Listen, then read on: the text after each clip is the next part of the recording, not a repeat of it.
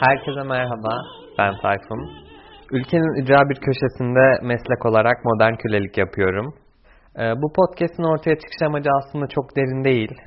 Kısaca bahsedecek olursam şöyle ki, hepimiz bir yerlerde bir şeyler tüketmeyi seviyoruz. Online alışveriş sitelerinden asla çıkmıyoruz. AVM'lerde indirim olunca beyin görmüş zombi gibi oralara koşuyoruz. O AVM'lerden çıkarken elimizde karton bardakta kahvelerimiz asla eksik olmuyor. Kimimiz harcadığımız mesailerde varımızı yoğumuzu ortaya koyuyoruz. Kimimiz ise boş zaman geçirmekten aşırı zevk alıyor. Ben de bu tüketim çılgınlığı içinde eğer bir şeyler üretmezsem kendim kaybedeceğimi düşündüm ve üretime geçtim. Aslında bu podcast'in hikayesi bundan ibaret. Bu podcast'te katılımcılar anonim olacak ve bu yayında her şey konuşulacak. O zaman algılarınız açıksa içimden geldi başlıyor. Keyifli dinlemeler. Aşı karşıtlığı, kişilere aşı hizmeti sunulmasına karşın, kişinin kendisi veya çocuğu adına aşılamaya yanaşmaması ya da tamamen karşı çıkması durumudur. İçinden geldiğinin 11. bölümünden herkese selam sevgili dinleyenler. Umarım hepiniz iyisinizdir. Umarım hayatınızda her şey yolundadır. Ee, bugün benim çok anlamlandıramadığım ve muhtemelen de bu bölümden sonra hala anlamlandıramayacağım bir ideoloji hakkında konuşacağız. Ama önce konuğumu tanıyın. Yanımda Dr. Who var. Kendisi bir tıp doktoru. Selam Dr. Who. Herkese selamlar. Ee, neden bu ismi tercih ettiğini sorarak başlamak istiyorum. Yani mesleğim ve mesleğime olan ilgimin birleşimini yansıttığı için sanırım. Anonim olman, Dr. Who olman güzel bir bağlantı olmuş. Şimdi şöyle bir giriş yapalım. Geçmişten günümüze salgın hastalıklar hep vardı, var, var oldu ve var olacaklar. E, Sapiensler de doğal olarak bu salgın hastalıklarla mücadele etmenin e, çağlar boyunca yollarını aradılar. Bulaşıcı hastalıkların bir kısmı e, hastalık bulaştıktan ve hastalık atlatıldıktan sonra kalıcı bağışıklık bırakıyor. Bazıları ise çeşitli nedenlerden ötürü insanın bünyesinde kalıcı bir bağışıklık bırakmıyor. İşte böyle salgın dönemlerinde bulaşıcı hastalıkların epidemi ya da pandemilere yol açmasıyla birlikte insanlar kitlesel bağışıklığı sağlamaya çalıştılar. Bütün insanların aynı anda bu hastalığı yenebilmesi için çözüm yolları aramaya başladılar. Çünkü e, her insanın e, immün sistemi yani bağışıklık sistemi bu hastalığı atlatacak bünyeye sahip değildi. İşte Sapiens bu e, kitlesel bağışıklığın tam olarak sağlanması için bir çözüm yolu buldu. Bu enfeksiyonların etkeni olan mikroorganizmanın zayıflatılmış bir halini ya da genetik materyalini bir şekilde insanların vücuduna aktarmayı başardılar ve buna aşı dediler.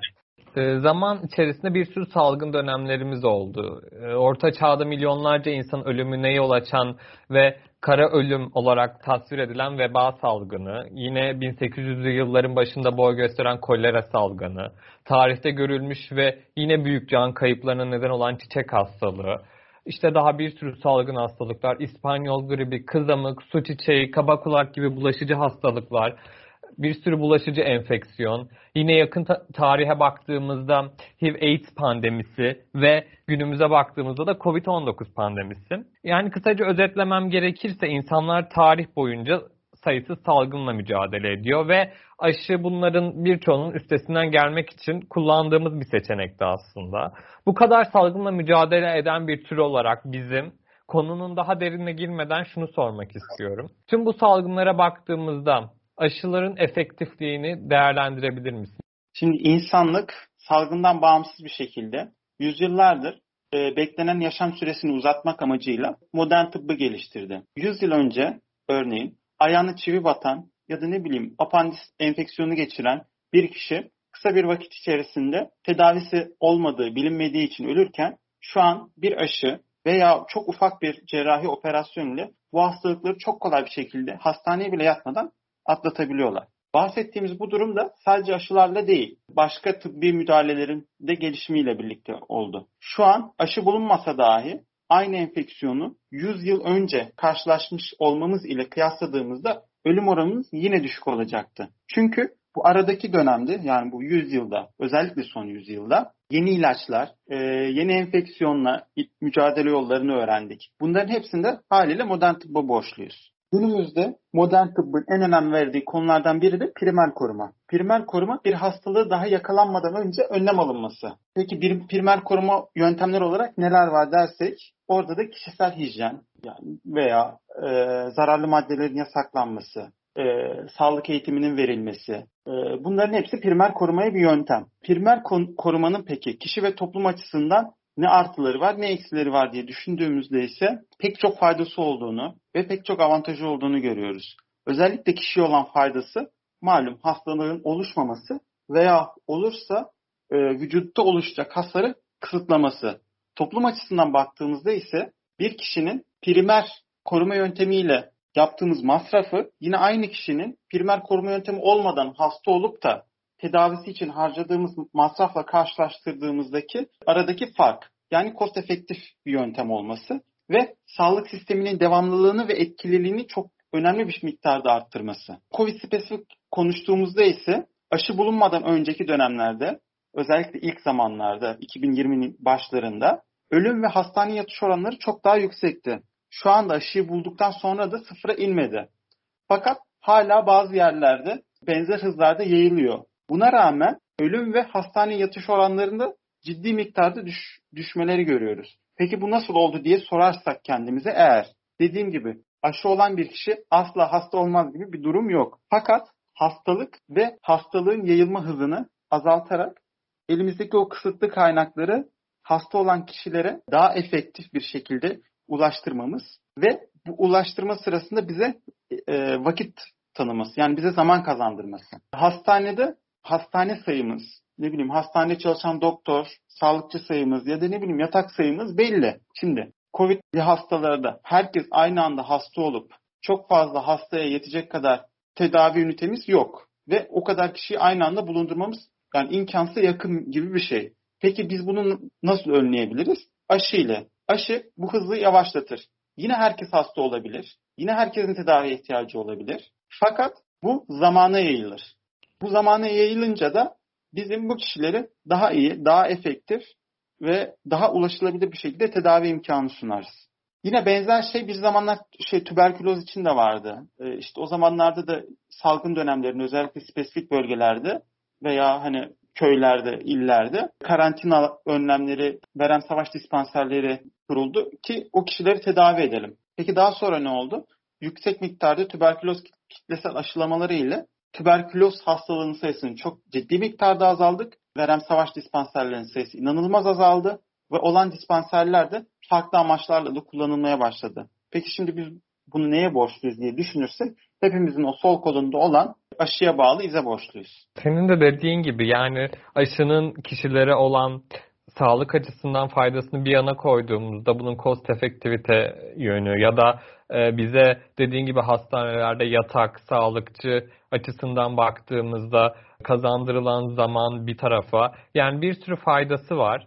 E, bu kadar salgından bahsetmişken birçoğuyla aşıyla mücadele ettiğimizi söyleyebiliriz. E, çiçek hastalığını mesela tamamen eradike ettik aşı kullanarak.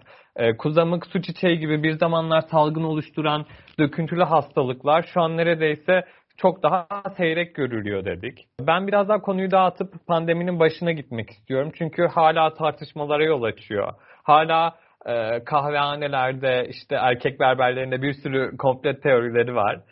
Şimdi enfeksiyon hastalıklarına, mikroorganizmalar neden olduğunu biliyoruz. Ama pandeminin başında COVID-19 etkeni olan koronavirüs için bir sürü komplo teorisi yazıldı.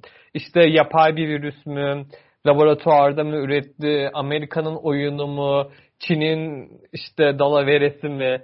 Yani ben kısa ve net şunu sormak istiyorum. Koronavirüs insan yapımı bir virüs mü? Şimdi biz halk olarak komple teorilerini yani Covid olarak değil her konuda çok severiz yani böyle. Aynen. İşte ben yetişmedim o zamanlara. Daha sonra okuduğum kadarıyla. Daha milenyumun başında işte ne bileyim tüm bilgisayarlar çökecek. Milenyuma geçerken her şeyimiz aksayacak. Ya da ne bileyim e, şimdi ne kadar kaldı? İki yıl kaldı. 2023'te e, Lozan Anlaşması bitecek. Bütün madenlerimizi çıkartacağız. Lafını yani, bölüyorum. Bir de şey var şu an. Biontech ölümleri başlayacak. işte. Aynen dur o ne zamandı? Ay başında. Ay tabii internet ya geçen Evet. ölenleri duymayalım diye gitti. o. Facebook falan sırf onun için çöktü. Neyse yani böyle bir sürü dedikodu, komplo anlatmayı da duymayı da çok seviyoruz yani. Ya belki de biraz kafamızı dinlendirmek için falan diyeceğim ama yani çok saçma saçma şeyler yani. Tabii bunu böyle hani biraz da şey açısından temele baktığımızda veya bilimsel açıdan baktığımızda bu bazı şeyleri hoşumuza giden ya da gitmeyen bazı şeyleri çok kafamızı yormadan anlam, anlamlandırmamızı da sağlıyor. Bu saçma ya da mantıksız açıklamalar.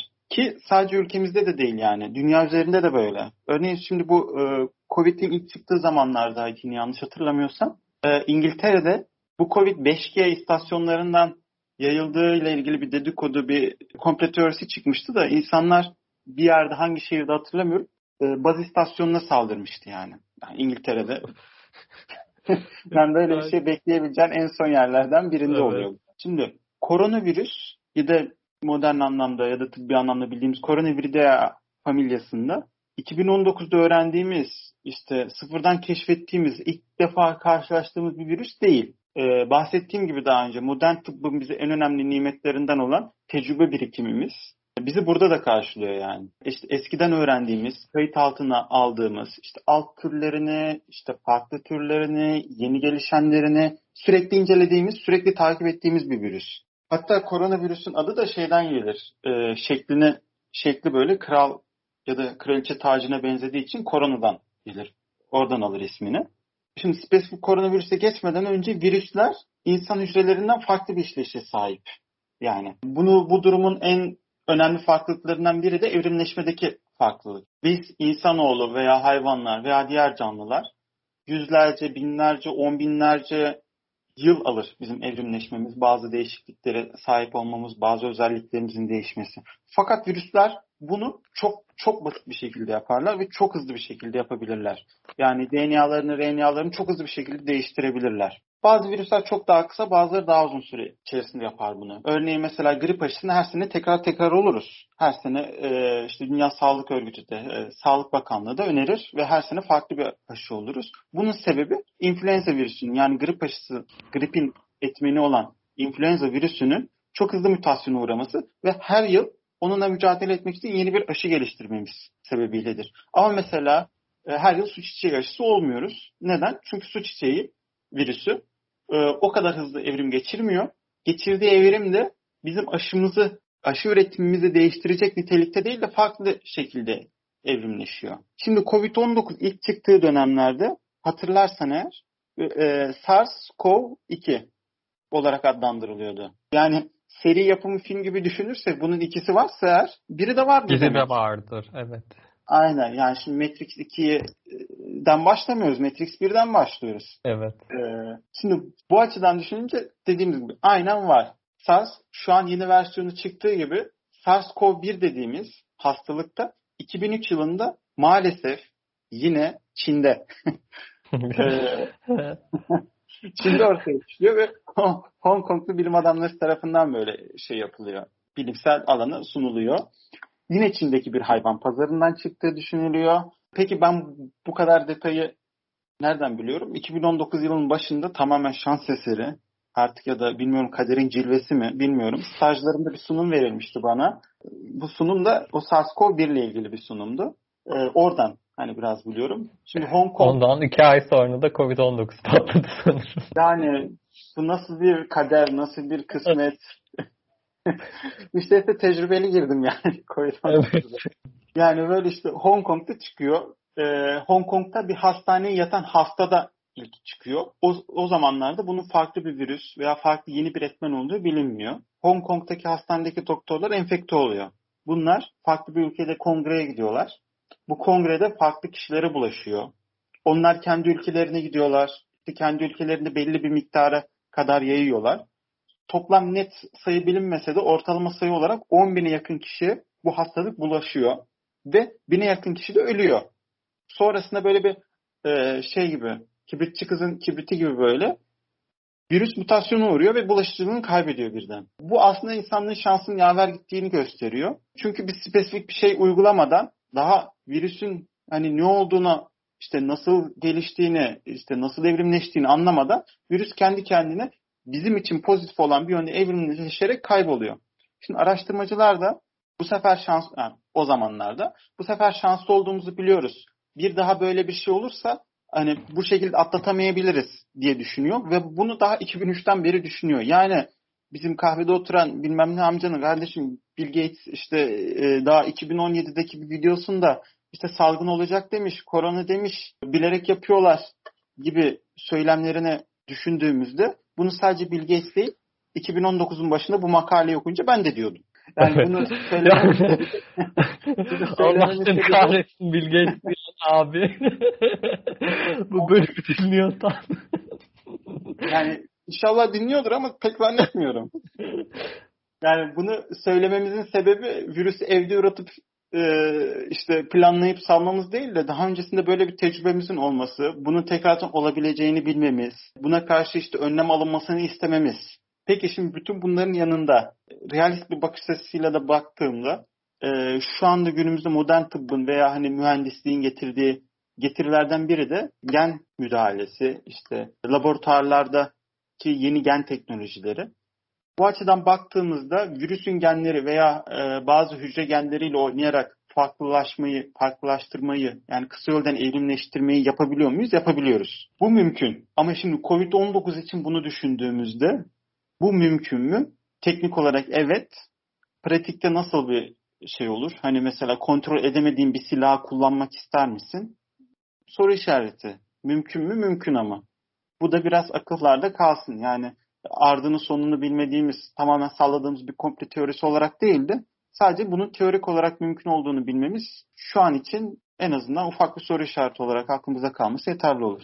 Ee, Covid-19'un e, kompletörlerinden bahsetmişken geçmişe baktığımızda da aslında Covid'in yani koronavirüsün SARS-CoV-1 şeklinde bir enfeksiyon yaptığını söyledim ve sonrasında e, şanslı olduğumuzu, 2003'te çıkan bu salgının belki de tırnak içinde yeni bir versiyonunun ilerleyen zamanlarda çıkacağını söyledin. Ama insanlar bu e, süreci bilmedikleri için bunun üzerine işte komplo teorileri yazmaya devam ediyorlar. O zaman buradan şuna bağlayalım. Aşı karşıtlığına bağlayalım. Aşı karşıtlığı da sonuçta bu komplo teorilerinden baz alınarak çıkartılmış bir ideoloji. Bunun tohumunun ilk atıldığı zamanlara gidelim. Şimdi aşı karşıtlığı için ben anlamlandıramadığım bir hareket demiştim. Çünkü yani bu gerçekten e, global bir harekete dönüştü.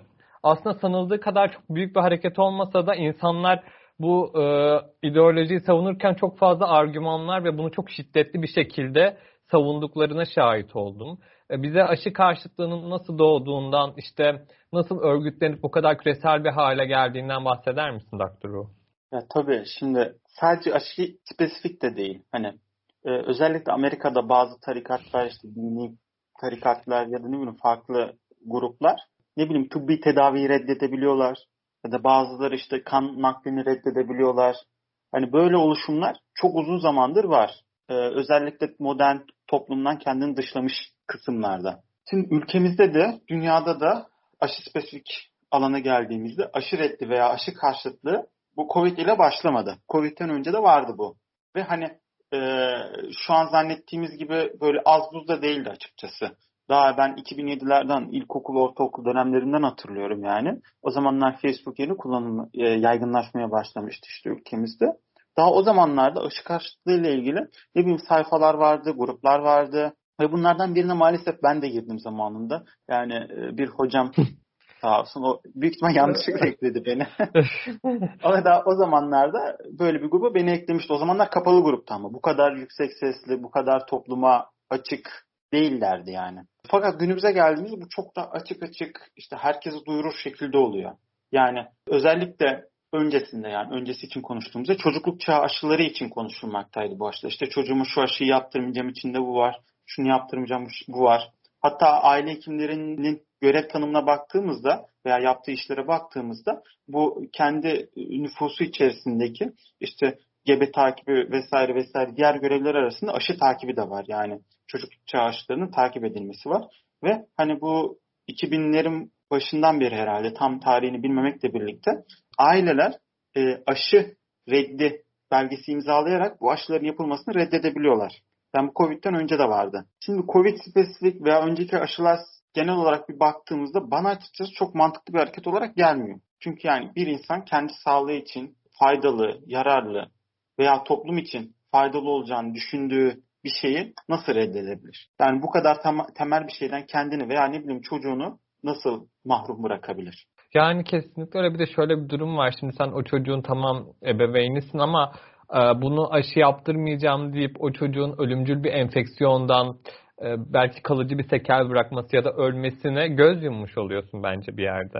Yani aynen o şekilde oluyor. Ve hani bunun vicdani yükü var, şey yükü var. Yani hastalık geçirmeyebilir çocuk aşı olmadan. Evet böyle bir durum da var. Ama hani bile bile lades dediğimiz şeyi burada yapmaya değer mi, değmez mi tartışılır. Yani, evet. Yani senin de söylediğin gibi işte insanların bu duruşla ilgili çok farklı argümanları var. Buradan şunu da çıkartabiliriz. Aslında bilimsel gerçekliğin karşısında bir sürü test sunulmuş ama hiçbiri de bilimsel olarak kanıtlanmamış. Yani yani hiçbiri de işlev, işlevsel değil. Ee, bir de olayın ahlaki boyutunu konuşmak istiyorum. Şimdi ortada büyük bir pandemi var ve bilim insanları bu salgınla baş edebilmek için tam doz aşılama oranının en az %90-95'lerde olması gerektiğini söylüyor. Ve biliyoruz ki henüz bu sayıya çok uzağız. Yani yanına bile yaklaşamadık.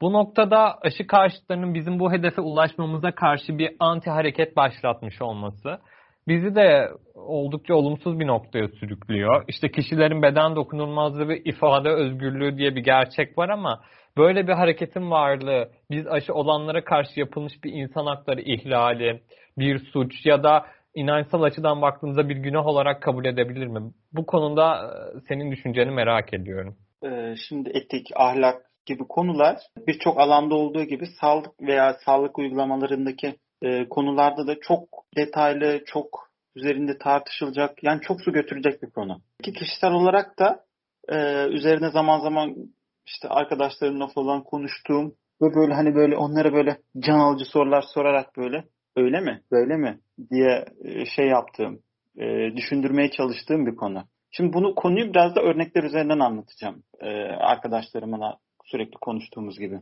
Ülkemizde de dünyada bazı ülkelerde de şu an için çok konuşulan konulardan biri kürtaj mesela. Bir insanın vücudunda oluşan ne bileyim bir hücre grubundan doğuma kadar canlıya dönüşen bir olayı sonlandırmak diyebiliriz yani. Şimdi burada farklı görüşlerde farklı kişiler var. Bir açıdan bakanlar bunun canlı kabul edilmesini, ne bileyim hani bir kişi olarak var, kabul edilip e, yaşam hakkının sonuna kadar savunulması gerektiğini ve kürtajın yasaklanması gerektiğini söylüyor. Bunun tam karşısındaki bir grupsa henüz canlı organizmaya dönüşme potansiyeli olan ama bireye dönüşmemiş, kişilik hakları olmayan veya canlı saymayabileceğimiz biri olarak görüyor ve e, bu konudaki söz hakkının gebe olan kişide kalmasını söylüyor. Şimdi tabii bu olayın farklı taraflarındaki kişiler işte kimisi dini, kimisi hukuki, kimisi vicdani birçok argüman sunuyor, birçok e, temelleri var kendilerine göre. Fakat e, hukuki açıdan baktığımızda ise doğmamış bir canlı kişi sayılır mı? Kişisel hakları var mıdır? Veya bilimsel açıdan baktığımızda bu kişi canlı mı gerçekten? Yani canlılık gerekliliklerini sağlıyor mu? Ya da düşünebiliyor mu? Fikirleri oluşabiliyor mu? Dini açıdan baktığımızda ise çok daha komplike, katı, sert e, ve hani çok inisiyatif alabilecek bir konu da değil. Zaten o kısım tamamen apayrı bir mevzu. Şimdi bana göre ahlakımızı sadece spesifik bir konuyla sınırlandırmamamız lazım. Yani bu kürtaj konusunu konuşurken sadece fikrimizi kürtaj ile sınırlandırmamamız lazım. Çünkü etik anlayışı e, eğer insanlar kendi ahlakını, kendi e, fikirlerinin doğru, işte düzenli, işte haklı olduğunu düşünüyorsa bunun tutarlı, kendi içerisinde e, anlamlı bir bütün olması gerektiğini düşünüyorum ben. Yani kürtaj hakkında fikir sunan kişileri sünnet konusunda sormamız lazım. Yani şimdi sünnette de ülkemizde ve hani bazı toplumlarda çocuklar daha küçük yaşlarda hatta kimi zaman bebekken e, ya da işte çok çok küçük yaşlarda bir yaşında, iki yaşında, üç yaşında e, sünnet yaptırılmakta. Şimdi anne karnındaki fetüsün yaşama karar verme hakkını hakkı olduğunu söyleyen biri. Yani e, kürtajı istemeyen birine çocuğunu sünnet ettirirken sünnet için çocuğuna fikrini sorup sormadığını ben merak ediyorum açıkçası. Şahsen kimse bana sormadı. Sana evet. sorduğumu bilmiyorum zamanında. yani hatırlamıyorum olduğum zaman. yani hatırlamıyorsun. Düşün yani. Daha evet. sonra sormalarının bile anlamı yok yani. Evet. Şimdi sağlık için gerekli halleri saymazsak bir çocuk 18 yaşına gelince yani hukuki olarak haklarını tamamen kendi eline alınca sünnet istemediğine karar verdi diyelim. Şimdi kendi ailesinden şikayetçi olursa ne olacak? Çünkü ailesi kendi vücut bütünlüğünü izin vermeden bozmuş oldu. Veya hadi diğer açıdan bakalım. Ne bileyim e, kürtajı benim bedenim benim kararım diye destekleyen bir kişi çocuğunu sünnet ettirirken senin bedeni senin kararın değil çocuğuna bırakıyor mu kararı? Hayır. Yani, yani yerine cevap verdim ama. Biraz önce de dediğim gibi bence ahlak anlayışımız bir bütün ve biz buradaki ikilemde nasıl bir fikir yürütüyorsak genel anlamda da ona benzer bir fikir, fikir yürütürüz. Şimdi bu konularda uzun uzun uzun etik, ahlaki, sağlık, gereklilik, muhasebe önünde e, böyle multidisipliner, uzun uzun tartışma yap, yapabiliriz. Yani bu konu böyle uzar, tartışılır, biraz vicdana kalır, biraz fikirlere kalır. Üzerini böyle detaylı düşünür, düşünmesi gerekiyor bence herkesin. Ve hani sadece sağlıkla ilgili konuda da değil. Genel hayatı içerisindeki bazı konularda etik veya ahlaki olarak bir içerisinde hesaplaşma yaşaması gerekiyor. Ama dediğim gibi bazı temel konularda da yasalarda temel hükümlerin bulunması gerekiyor. Yani evet senin de dediğin gibi işin içine ahlak, vicdan, etik gibi e, konular girince ve bunlar tartışmaya açıldığında bunun ucu bucağı olmuyor ve e, bu tartışmaların sonu da çoğunlukla bir sonuca bağlanmıyor. Çünkü e, etik, vicdan gibi kavramlar çok bireysel kavramlar ve insanlar kendilerine göre konuşuyor. İşin bence kısmındalar hepsi. Bu yüzden yani etik açıdan da bakıldığımızda bu pek sonuca bağlanacak bir durum değil. Bir de aşı karşıtlığı yapan kitleler çok fazla provokatif eylemlerde bulunabiliyorlar. Yani böylece güçleniyorlar, büyüyorlar. Aşı yaptırmak ve yaptırmamak arasında bulunan bireyleri negatif yönde etkileyebiliyorlar. Şimdi insanların ha, insanların da haliyle kafasında soru işaretleri oluşuyor ve aşı karşıtlığını bilim camiasında olduğu iddia edip alenen aşı karşıtlığı yapan insan sayısı da çok fazla.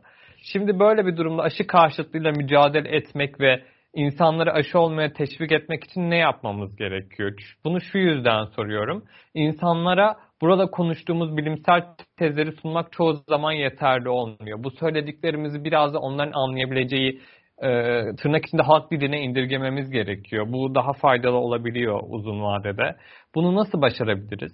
Şimdi e, bence yani bana sorulursa her konuyu, her uzmanlık gerektirecek şeyi hepsini halk diline indirmek her zaman faydalı olmaz. Ne yapalım? Halk diline, halk diline indirmek her zaman iyi sonuç vermeyeceğini düşünüyorum. Hı hı. E, çünkü bu bazı spesifik uzmanlık gerektiren konularda mesela sağlık bunlardan biri veya hani başka konularda herkesin bir fikir belirtmesine sebep oluyor. Herkes o konuyu hakim olduğunu, o konuyu çok iyi bildiğini düşünüyor. Örneğin günümüzde diyelim hastaların önemli bir kısmı maalesef diyeyim. Çünkü primer bana yansıdığı için Evet. e, daha, daha hastaneye gelip tedavi olmadan, e, muayene olmadan işte kafasında o tanısıyla geliyor direkt. Hani benim buyum var, bu tedaviye ihtiyacım var.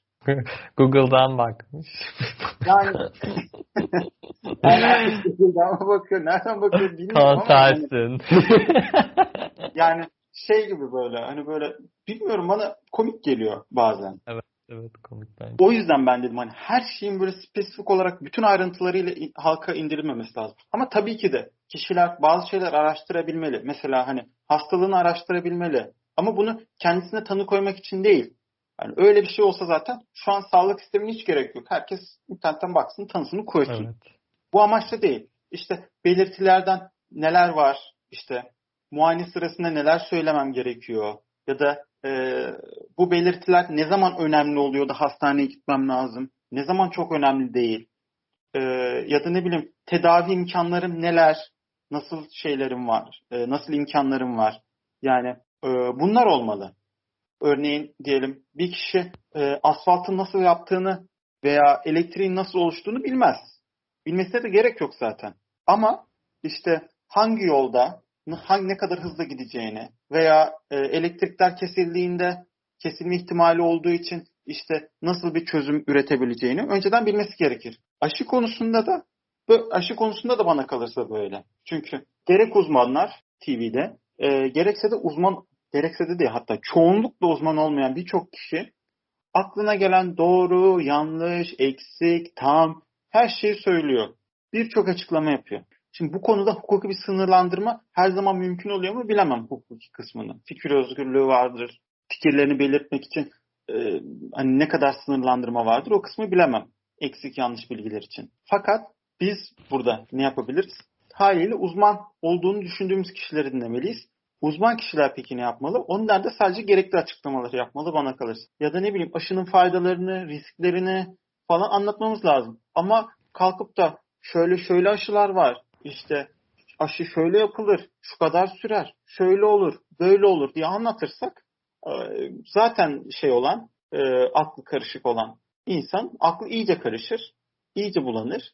O yüzden her şeyi e, belirli bir sınırda düzenli olarak anlatılması, dinlenmesi, izlenmesi gerekiyor bence. Yani kısacası şu, uzmanlar, medyaya çıkan uzmanlar, televizyonda, gazetede, artık sosyal medyada nerelerdeyse vermeleri gerekenin en öz halini ve halkın bilmesi gereken kadarını vermeleri gerektiğini söylüyorsun sanırım. Çünkü bunun daha fazlasını verirse insanlar tekrardan komplo teorileri yazmaya başlayacak. Şey uzmanlardan bahsetmişken ben bir de şuna değinmek istiyorum Dakturu. Şimdi alenen aşı karşıtlığı yapan ve tırnak içinde bilimsel argümanlar surarak insanları manipüle eden medyatik kişiler var. Bunların da birçoğu maalesef ki tıp doktoru ya da kendini bilim insanı olarak tanımlıyor. Şimdi böyle güvenilir kimliklere sahip insanlar medyada aşı karşıtlığı yapınca insanlar daha çok ikileme düşüyor. Ben mesela bir YouTube programı izlemiştim ve programda iki doktor, iki tıp doktoru tartışma şeklinde sorulara cevap veriyordu. İşte birisi aşı olmanın gerekliliğini savunurken diğeri aşı karşıtlığı yapıyordu. Ve inip videonun altındaki yorumlara baktım ve dehşete düştüm. Çünkü birçok insan aslında aşı karşıtı olan doktorun söylemlerini esas almış ve buna dayanarak işte ben zaten aşı olmayacaktım, şimdi hiç olmam ee, ya da hocamın söylediklerine sonuna kadar katılıyorum. Bu saatten sonra aşı olmam. Bazıları şey bile yazmıştı. İşte ailemdeki herkesin aşı olmasını engelleyeceğim. Ee, bu arada bu aşı karşıtlığını savunan e, doktor da bilimsellikten çok uzak şeyler söylüyor ama bu insanlara istediği şeyi veriyordu bir yerde. Onların e, evet ben bunu kabul ediyorum ve aşı olmayacağım demesini gerektiren her şeyi sağlıyordu. E, zaten kendisinin de sonradan kendi oluşturduğu bir web sitesinde belki de tırnak içinde alternatif tıbba sığınarak eften püften otlar, işte çeşitli karışımlar sattığı ortaya çıktı. Şimdi medyada böyle kimliklere sahip kişilerin aşı karşıtlığı yapmasının önüne geçmek ve bu insanlara prim vermemek için neler yapılmalı sence? Bir kere ben önce şunu söyleyeyim. Tıp tıptır. Yani alternatif tıp diye bir şey yok. Olmaması gerekir. Yoktur. Çünkü alternatif mimarlık diye bir şey var mı? Veya alternatif Hayır. mühendislik, alternatif siyasetçi. Yok. O zaman alternatif tıp diye bir şey de yok. Modern tıp vardır, tıp vardır. Günümüzde de modern tıbbın dediğim gibi birikimler üzerinden yıllar içerisinde ilerliyor. Ve biz bunu temel olarak bilimsel temeli oturttuğumuzda makaleler, yapılan araştırmalar, kümülatif bilgi birikimiyle oluşuyor. Aşı konusunda da daha önceki aşılarda, ilaçlarda veya COVID aşısında da araştırmalarda da deneyler bu birikimle yani bildiğimiz bilginin üzerine yeni bilgi ekleyerek artar. Ve biz bilimsel bir bilgiye, tıbbi bir bilgiye ulaşırken de bu araştırmaların birikiminde en son hangi aşamadaysak o aşamadaki nihai toplam sonucumuza bakarız. Bu da bizim tedavi yöntemlerimize, tedavi metotlarımıza değişikliğe sebep olabilir veya hani yeni bir tedavi yöntemi veya yeni bir önleme yöntemi bulmamıza sebep olur. Bu iyi bir şeydir tedavi yöntemimizin değişmesi. Çünkü yapılan eksik işlemlerin farkına varmamızı ve hızla düzelttiğimizin de kanıtı aslında. Modern tıp dediğimiz şey bu, bu şekilde olmalı. O yüzden alternatif olmamalı zaten. Fakat bazı kişiler yani adlarını herkes değil çoğu kişi biliyor artık. Anlattığım Hı-hı. şeyleri çok iyi bilmesine rağmen gerek maddi gerek manevi kaygılarla toplumu yine bilerek ben bir kısmının da gerçekten bilmediğini de düşünüyorum. Bilmeden yanlış yönlendiriyor. Şimdi nasıl yönlendiriyor peki? Makalelerde yani özellikle tıbbi makalelerde ve diğer makalelerde de birçok sonuç buluruz biz araştırmamız sonucunda. Şimdi ya bu, bu sonuçları hepsi doğru mudur? Değildir. Neden? Çünkü bazıları anlamlıdır, bazıları anlamsızdır. Ve biz e, burada anlamlı sonuçları sonuç olarak kabul ederiz. Fakat örneğin bu yıl işte bir ülkede 10 bin kaza olmuş. 10 bin kaza yapmış trafik kazası.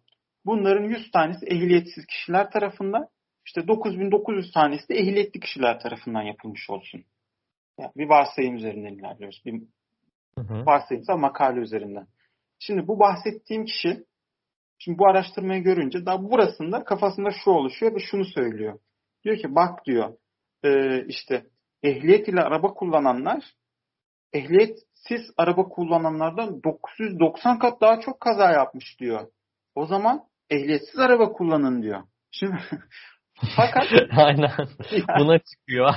yani bu yani o kişi bunu sadece burasını görüyor, burasını öne çıkartıyor ve burasını halka gösteriyor. Evet. Fakat aslında biraz da matematik hesabı yaptığımızda ve diğer kısımları incelediğimizde e, diyelim 50 milyonluk bir nüfus var. İşte pardon e, 50 milyonluk ehliyet ile araç kullanan bir nüfus var. E, ve bunlar arasında 9900 tane kaza, kaza olmuş. Ve yine diyelim 10 bin tane de ehliyetsiz araç kullanan yakalanmış. Bunlar arasında da e, işte 100 tane kaza olmuş. Şimdi matematik oranı yaptığımızda ehliyetsiz kaza yapma oranı %1 çıkıyor. Ehliyetli kişilerin kaza yapma oranı ise 10 binde 2 çıkıyor. Yani anlamlı sonuç burada ehliyetsiz kişilerin kaza yapma oranı ehliyetli kişilerin kaza yapma oranında 50 kat daha fazla çıkıyor. Şimdi bu kısımlar mesela e, birçok kişi için e, işte biraz kafa karıştırıcı, işte üzerine hesaplama yapılması gereken bir şey oluyor. O yüzden ben diyorum hani herkesin her şeyi bilmesine gerek yok. Fakat işte bu kişiler buradaki sonuçlar üzerinden halka manipüle edebiliyorlar. Peki biz ne yapalım? Hani işte kimin açıklamasını dinleyelim? Çünkü ortada bir tane makale var. Biri diyor ki böyle, biri diyor ki böyle. Bunun için de bence şahsi fikrim bu kişilerin biraz geçmişine bakmamız lazım veya biraz da araştırmamız lazım. Şimdi bundan çıkar sağlıyor mu? Dediğin gibi kendi sitesi var orada işte ot mu satıyor, şey mi satıyor, bunun üzerine para mı kazanmaya çalışıyor? Ya da ne bileyim eskiden verdiği demeçleri e, işte yazdığı yazılara işte gazeteci ise köşe yazısını işte TV'ye çıkan şarlatanlardansa işte Özcik programına bir bakalım. Ne diyor? Mesela biri vardı daha Covid gelmeden şey diyordu. İşte Türkiye'ye gelmez. İşte gelirse bizim genimiz farklı bulaşmaz. yani, bu kişinin söylediği şey tutmuş mu? Tutmamış. Hadi adam sallamış yani. Evet. Şimdi bu sallayan adam bir daha sallar mı? Sallar tabii. Sallar. Yani bir de kitap çok... çıkarmış. Yani şimdi bu kitabın neresinden tutsan elinde kalır. evet. Okumadım ama muhtemelen öyledir. Yani o yüzden bence bunun en kolay yöntemi bu. Geçmişine bakacağız. Adamın dediği bir dediği bir dediğini tutmuyorsa büyük ihtimal şu an dediği de gelecekti. Hiçbir şey, karşılığı olmayacak. Evet. Yani bu sadece şey için de değil bu arada. Hani Covid için spesifik de değil yani. Bundan önce de e, ne bileyim şu ilacı kesin, bu ilacı kesin. Efendime söyleyeyim işte şu kadar zeytin yiyin, şu kadar e, şey yapın zeytinyağı için diye evet. bir sürü kişi vardı yani. Tabii bunu sadece hani biz ayırt edemeyiz herkesi. Belli bir hukuki ya da mesleki e, meslek kurumları e, bunlar üzerinde incelemesi işte etik kurullarını falan toplaması gerekiyor. Türk Tabipler Birliği. Aynen özellikle Türk Tabipler Birliği.